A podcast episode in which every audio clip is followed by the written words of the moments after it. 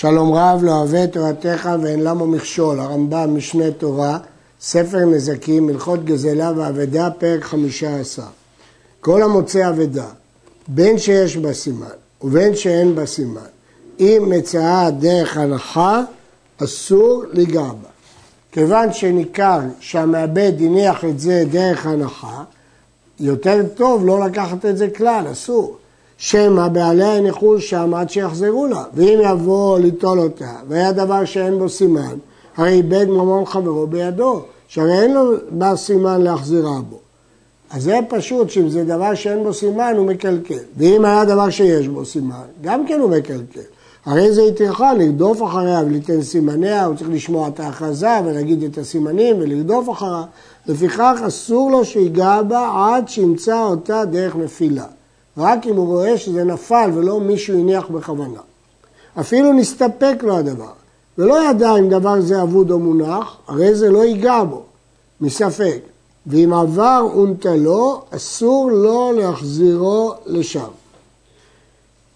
המגיד משנה מביא בשם הרמב"ן והרשב"א שבספק אבדה כן חייב ליטול ולהכריז, אבל הרמב"ם למד את פשט הגמרא, כל ספק הניוח לכתחילה לא ייטול, ואם נטל לא יחזיר, כי אולי הבעלים בא בינתיים ולא מצא והלך. לכן לא ייטול, ואם נטל לא יחזיר אפילו מספק. ואם היה דבר שאין בו סימן, הוא נטל אותו וזה דבר שאין בו סימן, זכה בו ואינו חייב להחזירו.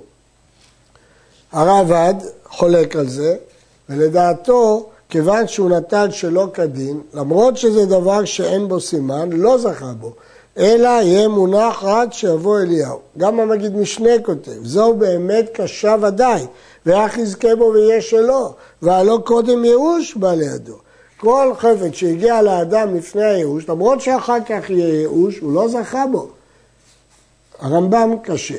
הדרישה על חושן משפט רס מתרץ, שיש לחלק בין אם נטל על מנת לגוזלו, שאז לעולם זה לא יהיה שלו אפילו אחרי ייאוש, לבין המקרה הזה שהוא נטל בדרך הנחה, שאומנם אסור לו ליטול, אבל אם הוא נטל ואין בו סימן, הרי אלו שלו. וכל דבר שיש בו סימן, בין דרך הנחה, בין דרך נפילה, בין ברשות היחיד, בין ברשות הרבים, חייב להכריז. כיצד? כיצד דרך הנחה? כגון שמצא חמור או פרה רואים בדרך ביום, שזה דרך טבעית, או שמצא כלי מכוסה בהשפעה, הרי זה לא ייגע בהם, שנאמר נידחים, אבל אם מצא חמור וכליו הפוכים ופרה רצה בין הכרמים או כלי מגולה בהשפעה, הרי זו אבדה ונוטל ומכריז. ראה חמור או פרה רואים כדרכן, בלילה, הרי זו אבדה, אין דרך חמור ופרה לראות בלילה. בפנות היום ובנשב, בפנות היום הייני אחרי השקיעה, בנשב לפני הזריחה, אם ראה אותם שלושה ימים זה אחר זה, הרי זו אבדה ונותן ומכריז. הנשב זה קודם עלות השמש.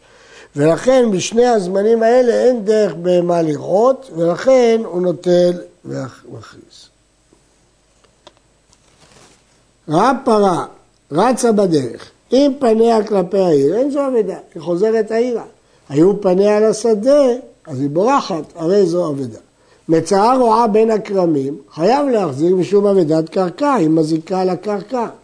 לפיכך, אם היו, למדנו שגם אבדת קרקע יש בה אבדה. לפיכך, אם היו הכרמים של גויים, אינה אבדה ואינו חייב להחזיר. ואם חשש שמא יהרוג אותה הגוי כשימצאנה פני שהפסידה הכרם, הרי זו אבדה ונוטל ומכריז. מצא פרה ברשות הרבים, אם עומדת חוץ לתחום, חייב להחזיר, זאת אבדה. הייתה רועה בעשבים, המגיד משנה כותב, אפילו מחוץ לתחום, אם היא רועה בעשבים, היא לא נראית כתועה. או שהייתה ברפת שאינה משמרת ואינה מאבדת, לא ייגע בה. שאין זו אבדה. אמנם זה לא משתמר, אבל סוף סוף היא ברפת, והרפת לא מאבדת. מצא קרדום או טלית בצד הגדר, זה לא ייגע בהם, כי מישהו בכוונה הניח שם. מצאן בסרטיה, בדרך סלולה, דרך הרבים, הרי זו אבדה ונוטל ומכריז. וכן כל כיוצא בזה. מצא גוזלות מקושרים בכנפיהם, זה סימן, ומדדים אחר הגדר או אחר הגפה, או בשבלין שבשדות, הרי זה לא ייגע בהם. שמא בעליהם מניחום שם, גפה זה שער שמגיפים את דלתותיו. ולמרות שהגוזלות מדדים ואין בהם סימן מצד המקום שבו הם נמצאו, הרי זה ספק קינוח ולא עיתון, שמא בעליהם מניחום שם. עובדה שהן קשורות. ואם נטלן, הרי אלו שלו. כמו שלמדנו, שכל דבר שאין בו סימן שהוא נטל, הרי אלו שלו. הרייבד יחלוק גם פה, ויגיד שכיוון שהוא נטל את זה לפני ייאוש, יהיה מונח עד שיבוא אליהו. ואם היו קשורים קשר שהוא סימן, היינו קשר מיוחד, לא קשר רגיל, חייב להכריז. וכן אם מצאם קבועים במקומם, לא מדדים בכלל, חייב להכריז שהמקום סימן. מחלוקת בגמרא, הרמב"ם פוסק שמקום הווה סימן. מצא בהשפעה כלי מכוסה, הרי זה לא ייגע בו, כמו שביארנו, זה דרך הנחתו, מישהו הניח שם.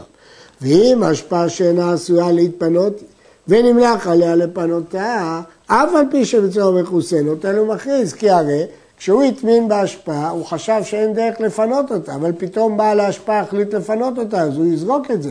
ולכן ודאי שיקח את זה ויכריז. וכן אם היו כלים קטנים, כגון סכין ושיפוט וכיוצא בהם, אפילו היו מכוסים בהשפעה קבועה, נותן ומכריז, כי זה לא דרך הנחה, דרך כלים כאלה שהם נופלים לתוכם. מצא פירות מפוזרים, דרך הנחה לא ייגע בהם. דרך נפילה, הרי הם שלו, כי אין בהם סימן. כמובן, מדובר שהבעלים כבר ידעו שהם נפלו, אחרת זה ייאוש שלא מדעת. וכן אם מצא כריכות קטנות של שיבולים ברשות הרבים, שהרי אין בהם סימן. המקום לא מהווה סימן, מכיוון שבני רשות הרבים מגלגלים אותם ודוחפים אותם ממקום למקום. או שמצא עיגולי דבלה וכיכרות של נחתום, שכולם הם אותו דבר. נחתום אופה, אופה את כל הכיכרות באותו דפוס. ומחרוזות של דגים, וחתיכות של בשר, וגזעי צמר הבאות ממדינתן, והניצי פשתן, ולשונות של הגרמל, כל הדברים האלה אין בהם סימנים. הרי אלו שלא, מפני שאין בהם סימן. ואם יש בהם סימן, נותן לו מכריז. למרות שהסימן הזה עשוי להידרס, שסימן העשוי להידרס, הרי הוא סימן. הרמב"ם פוסק שסימן העשוי להידרס, הרי הוא סימן, ולכן למרות שהם ברשות הרבים, זה מהווה סימן.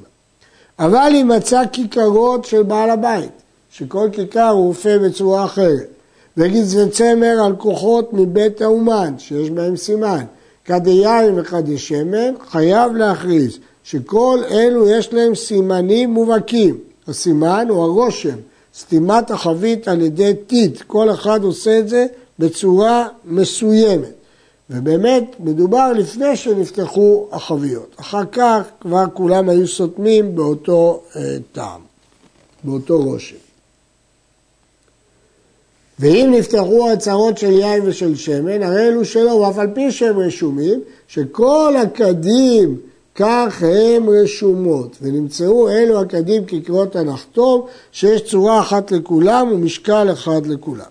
מסביר המאירי, אם מצא את החביות קודם שבט, והיא מגופה ושרוקה ביתית כמשפט כל החביות, אין בה סימן. אבל אם מצאה רשומה, רוצה לומר ביתית חדש, הואיל ואין דרך חביות ברשום עד שהתפתחו האוצרות, מחזירה ברשום זה. אבל אם התפתחו האוצרות, אין רישום ומגופה בלא טיט סימן כלל, וכן הדין בקדש שמן. מצא כריכות ברשות היחיד. אם דרך נפילה, הרי אלו שלא. ואם דרך הנחה, חייב להכריז. אם דרך נפילה, אין בהם סימן. למה? שאף על פי שאין להם סימן, המקום סימן, אף על פי שאינו סימן מובהק. אם ראית שמישהו שם את זה במקום מסוים, זה סימן. למה? כי קודם דיברנו על כיכות ברשות הרבים, שאנשים מעיפים אותם ממקום למקום, אז המקום לא מהווה סימן. אבל ברשות היחיד זה מהווה סימן, למרות שזה לא סימן מובהק ביותר. אבל אם הוא מצא את זה דרך נפילה, איך, איך המעבד ידע באיזה מקום הוא איבד את זה? לכן המקום לא מהווה סימן בדרך נפילה. מצא אלומות בין ברשות היחיד בין ברשות הרבים, נוטל ומכריז. האלומות הם מהווים סימן. למה? כי הן כבדות, והן לא זזות במקומן. אז גם ברשות הרבים המקום מהווה סימן, כי לא מזיזים אותן מהמקום בגלל כובדם. יש להעיר שהרמב"ם אמר פה שהמקום לא מהווה סימן מובהק. המגיד משנה מאיר שהרמב"ם פסק לאל שמקום, מידה ומשקל הם סימנים מובהקים. ולפי זה הוא מציע לשנות את הגרסה ולהגיד שהמקום סימן מובהק. בפירוש יד פשוטה אומר שלא ניתן לשנות את הגרסה כי כל כתבי היד מעידים עליה והוא רוצה להסביר שכדי שמקום יחשב סימן יש צורך במקום מדויק ולעניין זה מוצא האבדה לא רואה סימן מובהק באבדה הזו ובכל זאת עליו להכריז את האבדה שייתכן שהבעלים כן ייתנו את מקום מציאת האבדה כסימן מצא עיגול ובתוכו חרס, כיכר ובתוכו מרוד, חתיכת של בשר שהיא משונה בחתיכתה, דהיינו חתכו את זה בצורה מיוחדת, דג נשוך וכל כיוצא באלו, הואיל ויש בהם שינוי, חייב להכריז, שלא השאום בעליהם, אלא לסימן. כל השינויים האלה, אנחנו רואים אותם כסימן. ויש מחלוקת במשנה ברבי יהודה ותנא קמא לגבי סימן העשוי מאליו. סימן שיכול להיות אה, מאליו. אבל ההלכה כרבי יהודה שכל סימן שיש לחשוש שמא נעשה על ידי הבעלים, אנחנו פוסקים שמהווה סימן. הראש פוסק כרבנן, שלא נחשב סימן, עיגול ובתוכו חרס. אבל הכזב משנה סובר שהרמב"ם פסק כרבי יהודה, כיוון שהוא חשב שהחולק עליו הוא רבי מאיר, רבי מאיר ורבי יהודה הלכה כרבי יהודה. מצא פירות מפוזרים במקום הגרנות. אם היו כמו קו בתוך 400 או ביתר על 400, הרי אלו שלא. פני שאין הבעלים מטפלים באסיפתם. זה טורח גדול לאסוף, קו של חיטים, פירות, והפירות לא שווים כל כך הרבה כסף, ובפיזור כזה הבעלים מתייאשים. היו מפוזרים בפחות ב-400, לא ייגע בהם, שם הבעלים הניחום שם. היו כמו חצי קו בשתי אמות או קביים משמונה אמות, או שהיה קו משניים שלושה מינים כגון שומשמים, תמרים ורימונים, כל אלו ספק. לפיכך לא ייטול, ואם נטל אינו חייב להכריז. בגמרא הסתפקו על כל אחד בפני עצמו, על סומסומים מצד שהם יקרים, מצד שני יש טורח באסיפתם. רימונים ותמורים להפך, הם לא יקרים, אבל קל מאוד לאסוף אותם. אבל רמב"ם כנראה לא גרס כך, אלא גרס שהקו מורכב משלושה מינים, כך הוא גרס בגמרא. המוצא ציבורי פירות, או פירות בכלי, או כלי כמות שהוא, חייב להכריז, כי המניין מהווה סימן, והכלי מהווה סימן. מצא כלי ולפניו פירות, הרי אלו שלו, הפירות והכלי. שהרי אני אומר, הפירות של אחד והכלי של אחר. פה הגרסה צריכה תיקון. הרי אלו שלו הפירות, והכלי נוטל ומכריז. כך צריך לומר. שאני אומר הפירות של אחד והכלי של אחר, והרי אין בו סימן, ואם הרי הדברים שהם של אדם אחד, חייב להכריז. כלומר, מדובר פה באם זה כלי שיש בו סימן, אז הכלי שייך לאדם, וגם הפירות שהם שייכים לכלי הזה הם שלו. אבל אם הפירות הם בכיוון הפוך מהכלי, אז בוודאי שהם לא שייכים לכלי, ולכן על הכלי הוא חייב להכריז, ועל הפירות הוא לא חייב להכריז. כיצד? איך נדע אם הפירות משויכים לכלי או לא? היו אחורי הכלי לפני הפירות, הרי אלו שלא, כי ברור שהפירות לא נפלו מהכלא. היו פני הכלי לפני הפירות, חוששים שמא מן הכלי נפלו, והרי בכלי יש סימן. אז לכן גם את הפירות שייכים לבעל הכלי. ואם היו לכלי אגנים, שוליים, אף על פי שפניו כלפי הפירות, הרי אלו שלא, שאילו נשפכו מן הכלי, היה נשאר מהם בתוכו מפני הגנים, היו מקצת, כן, היו מקצת הפירות בכלי ומקצתם בארץ, חייב להכריז כחלק נפלו. זאת אומרת שאנחנו צריכים כל פעם להעריך האם הפירות האלה שייכים לכלי או לא, כי הכלי ודאי יש בו סימן וצריך להכריז. אבל הפירות אין בהם סימן, אבל אם הם שייכים לכלי, אז גם אותם צריך להחזיר. המוצא קציצות בדרך. קציצות זה גרגירים תלושים מאיזה פרי שיהיה. אפילו בצד שדה קציצות, הרי אלו שלו. וכן תאנה שנוטה לדרך ונמצאו תחתיה תאנים, מותרות משום גזל. שהתאנה וכיוצא בה, עם נפילתה, נמאסת. יש שני פירושים. מה פירוש תאנה עם נפילתה נמאסת? האם פירוש ולכן הוא מפקיר אותה, או הפירוש שלכן אין בה סימן, כי גם אם היה סימן היא נמסה ואין בה סימן ומותר לקחת אותה. המפרשים הקשו שהטעם הזה של תאנה שאם נפילתה נמסת נאמר רק לתרץ את שיטת רבה שייאוש שלא מדעת הווה. אבל לשיטת אביי שייאוש שלא מדעת לא הווה לא צריך את הטעם הזה. אבל המאירי אומר שגם אביי מסכים שתאנה שנפלה היא נמאסת ומשום כך גם לאביי כבר יש הפקר והוא יכול לקחת אותה. אבל ופטורות מן המשום מעשר כי זה הפקר. אבל זיתים וחרובים וכיוצא בהם אסור, כיוון שהם לא נמאסים, כיוון שהם לא נמאסים, אז אה, לא הפקיר אותם, ואם הוא לא הפקיר אותם, אסור וצריך להכריז. בפירוש המשנה כתב אה, הרמב"ם, שבכל זאת התאנים צריכים מעשר מדין ספק. תמרים שמשאיר אותם הרוח, מותרות, למרות שלכאורה הם לא נמאסים כמו תאנה, שהבעלים מחלו אותם לכל אדם, וזוהי חזקתם. יש להניח מסתמה שהבעלים מחל את מה שהרוח יעיף. ואם היו של יתומים שאינם בני מחילה, אסורים, כי יתום לא יכול למחול. וכן אם הקפיד בעל השדה והקיף מקום האילנות בגדר, או תיקן המקום שיפנו בנובלות עד שילקל אותם, הרי הן אסורות, שגילה דעתו שלא מחל. אתה רואה שבעל התאנה הזאת מקפיד גם על הנובלות, גם על התמרים הנושרים, אז ודאי שהוא לא הפקיר אותם. חתול רע שהורג את הקטנים, יש בגמרא סיפור על חתול שקטע יד של תינוק, אסור לקיימו, ואין בו משום גזל, ואין בו משום השם אבדה, כיוון שהוא מזיק, אף על פי שעורו מועיל, אלא כל המוצרי זוכה בו והורגו וההורג שלו. למרות שהחתול הזה, חתול בר כנראה יותר דומה לנמר, ההורג שלו חשוב, כיוון שהוא הרג, הורג, אז אה, ודאי שאין בו השבת המידע ולא גזל, כל מי שהורג אותו זכה, וההורג שלו, כדי שירצו להרוג אותו.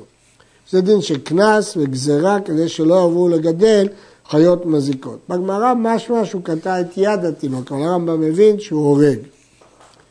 גוזל הנמצא קרוב לשובח, בתוך חמישים אמה הרי הוא של בעל השובח. כי יש להניח שהוא בא מהשובח הזה. למה? הולכים אחר הקרוב.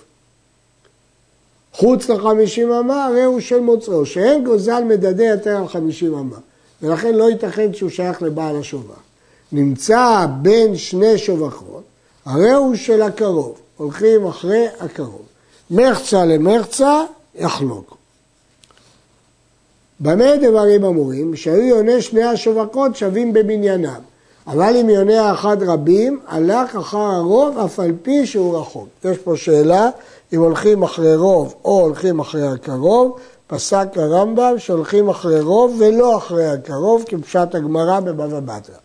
אבל בישחות שקלים, פסק הרמב"ם, מעות שנמצאו בין תיבה של שקלים לתיבה של נדבה, קרוב לשקלים יפלו לשקלים, קרוב לנדבה יפלו לנדבה, ושם הוא לא תלה שהולכים אחרי הרוב. היד פשוטה אומר שהסיבה היא מפני שהרוב הוא לא קבוע שם, לפעמים התיבה הזאת גדולה, לפעמים התיבה הזאת גדולה, במקרה כזה לא הולכים אחר הרוב. עד כאן.